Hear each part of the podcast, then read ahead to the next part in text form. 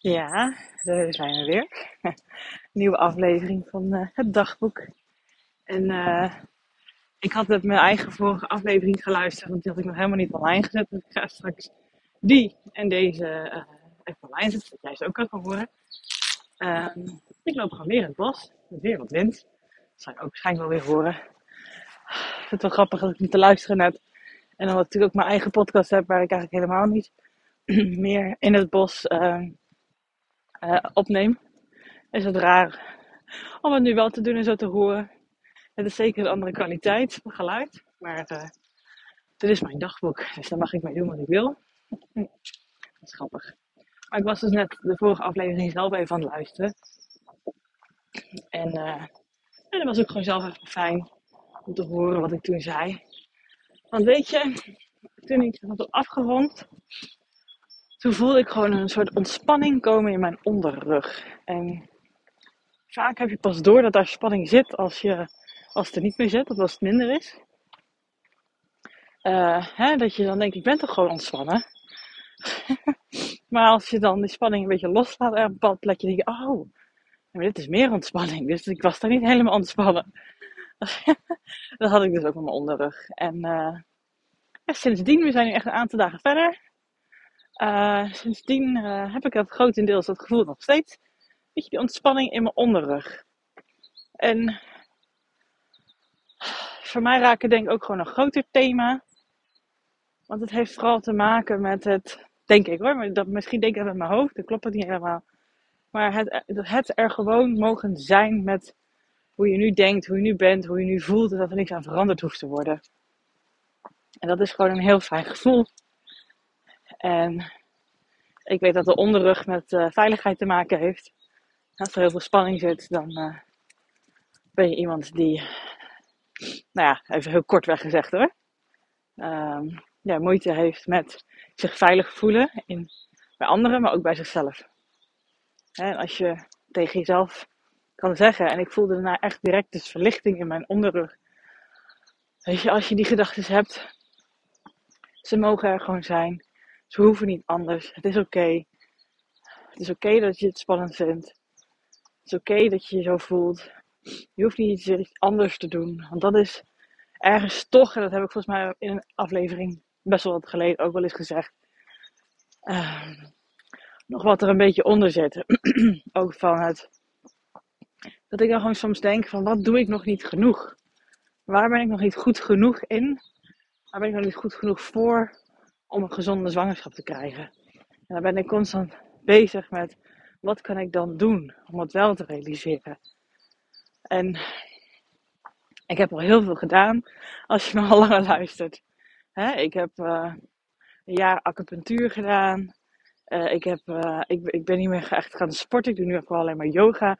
Omdat ik gewoon, ja, dat is nu een beetje normaal geworden. Maar diep zet ik het mis hoor. Echt het sporten. Want ik ben dat zelf best wel duizelig. Uh, en ik deed heel erg voor mijn rug en dat is eigenlijk niet echt meer nodig. Maar, uh, dus ik ben daar meer uh, dat gaan omzetten. Zodat ik niet in gevaar breng dat als ik mogelijk zwanger ben, dat het daardoor getriggerd kan worden naar een miskraam. Ik weet dat als er geen miskraam komt, dat niet door sporten veroorzaakt wordt. Maar dat zit dan in je hoofd als het twee keer na het sporten anders is geweest. Als je ervoor op vakantie bent geweest. want dat was bij mij twee keer het geval. Toen ik twee keer die vroege miskraam had, dat daarvoor ik op vakantie ben geweest. Um, ja, ik ben altijd heel anders ben ik gaan eten. Uh, ik drink ook bietensap. Uh, dat eten en dat bietensap doe ik nu nog steeds. Maar omdat het goed voelt. Dat het mij energie geeft. Omdat ik het voor mijn gezondheid doe. En ik ga daar gewoon niet zo uh, rigide mee om. En ja, heel veel coaching opgevolgd. Heel veel mensen voor benaderd. Ehm, ben ik naar twee verschillende mensen geweest die op lichaamsgerichtheid, zeg maar, antwoorden proberen te halen uit je, die op onderbewuste zitten. Dus bij kinestologie en, en NIJ. En NIJ is van uh, dit jaar nog geweest en de kinestologie van vorig jaar. En uh, ja, de voedselreflex, die ik nu nog steeds volg. En nu natuurlijk ook met ovulatietesten, maar dat voelt niet als iets. Dat is gewoon handig om te weten wat zijn er allemaal voor dingen dat we nog meer hebben gedaan. Maar volgens mij dat vooral om ja, het te bevorderen, de kansen te vergroten.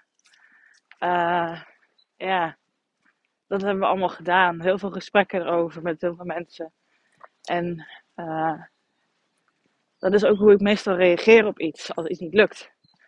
En dat, dat, dat raakt in mijn stukje van goed genoeg zijn, denk ik.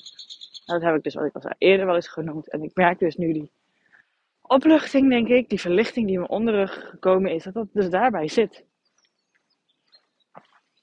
Dat het gewoon goed genoeg is. Dat ik, dat ik goed genoeg ben. Uh, en dat het oké is als ik deze maand niet zwanger ben. Ik zeg het een beetje half met weerzin, toch wel. Maar dat is ook oké. Weet je, het mag er allemaal zijn en het is allemaal oké en het is allemaal heel logisch. En dat, uh, ja, dat geeft mij verlichting door zo dat te denken en dat ik dan gelijk ook dat zo voel. Kom, Kira. Ik loop natuurlijk weer het bos, had ik al gezegd. Ik zie een paar hondjes aankomen. Die zijn dikke vrienden. Dus, uh, ja, heel goed. ja, dus dat, dat, ik denk, ja, dat wilde ik gewoon graag even met je delen. Dat, ik in theorie weet ik het ook wel, maar als je het daarvoor doet, moet je het niet zo doen, hè. Dat als je zegt dat alles er mag zijn, dat alles oké is, dat je het niet af wilt dwingen. Wat je dus eigenlijk daarmee doet, hè. Uh, als je dat niet vindt. Dat je dan denkt, oké, al die gedachten, nou, ik ga ze gewoon laten zijn. Maar daarna de, de, hoeveelheid van dat soort gedachten echt meer dan halveert. En dat is eigenlijk bij mij ook gekomen. Ik zit gewoon wat meer ontspannen in mijn lijf. Ik heb wat meer ontspanning uh, in mijn rug. Nu ik het zo benoem, ietsje meer spanning, maar niet zoveel als uh, voor de vorige podcast. En, en dan is het, ja, ik, uh, weet dat, ik weet dat ook uit theorie, zeg maar, van mijn eigen coaching, hè, dat heel veel mensen iets meemaken wat niet leuk is. Dat noemen ze in een bepaalde theorie dus de pijn van het leven. Maar dat wij als mens er lijden aan toevoegen door er in gevecht mee te gaan. En dat het gewoon er mag zijn. Als we dat lijden weghalen en gewoon de pijn er laten zijn. En daar naar durven te kijken naar die olifant in de ruimte.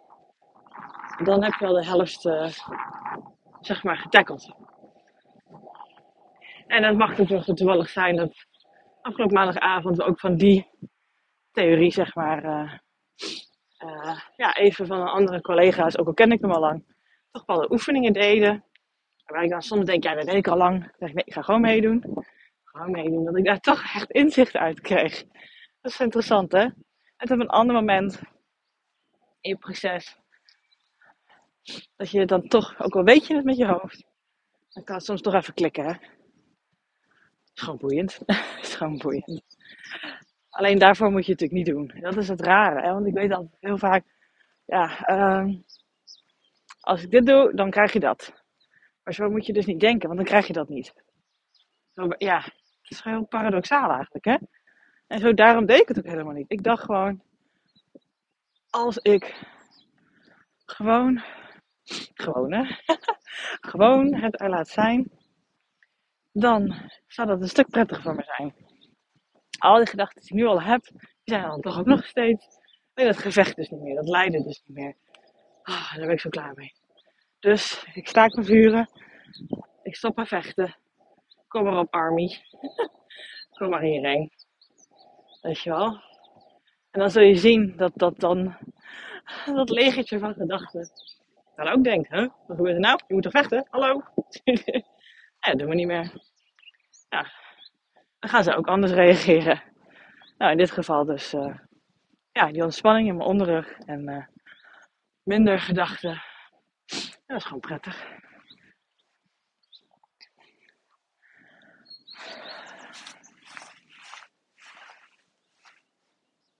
Dus dat is gewoon iets wat ik graag uh, even met je wilde delen, hardop wilde zeggen. En ja, dat. gewoon dat. Oké, dankjewel voor het luisteren. En tot later.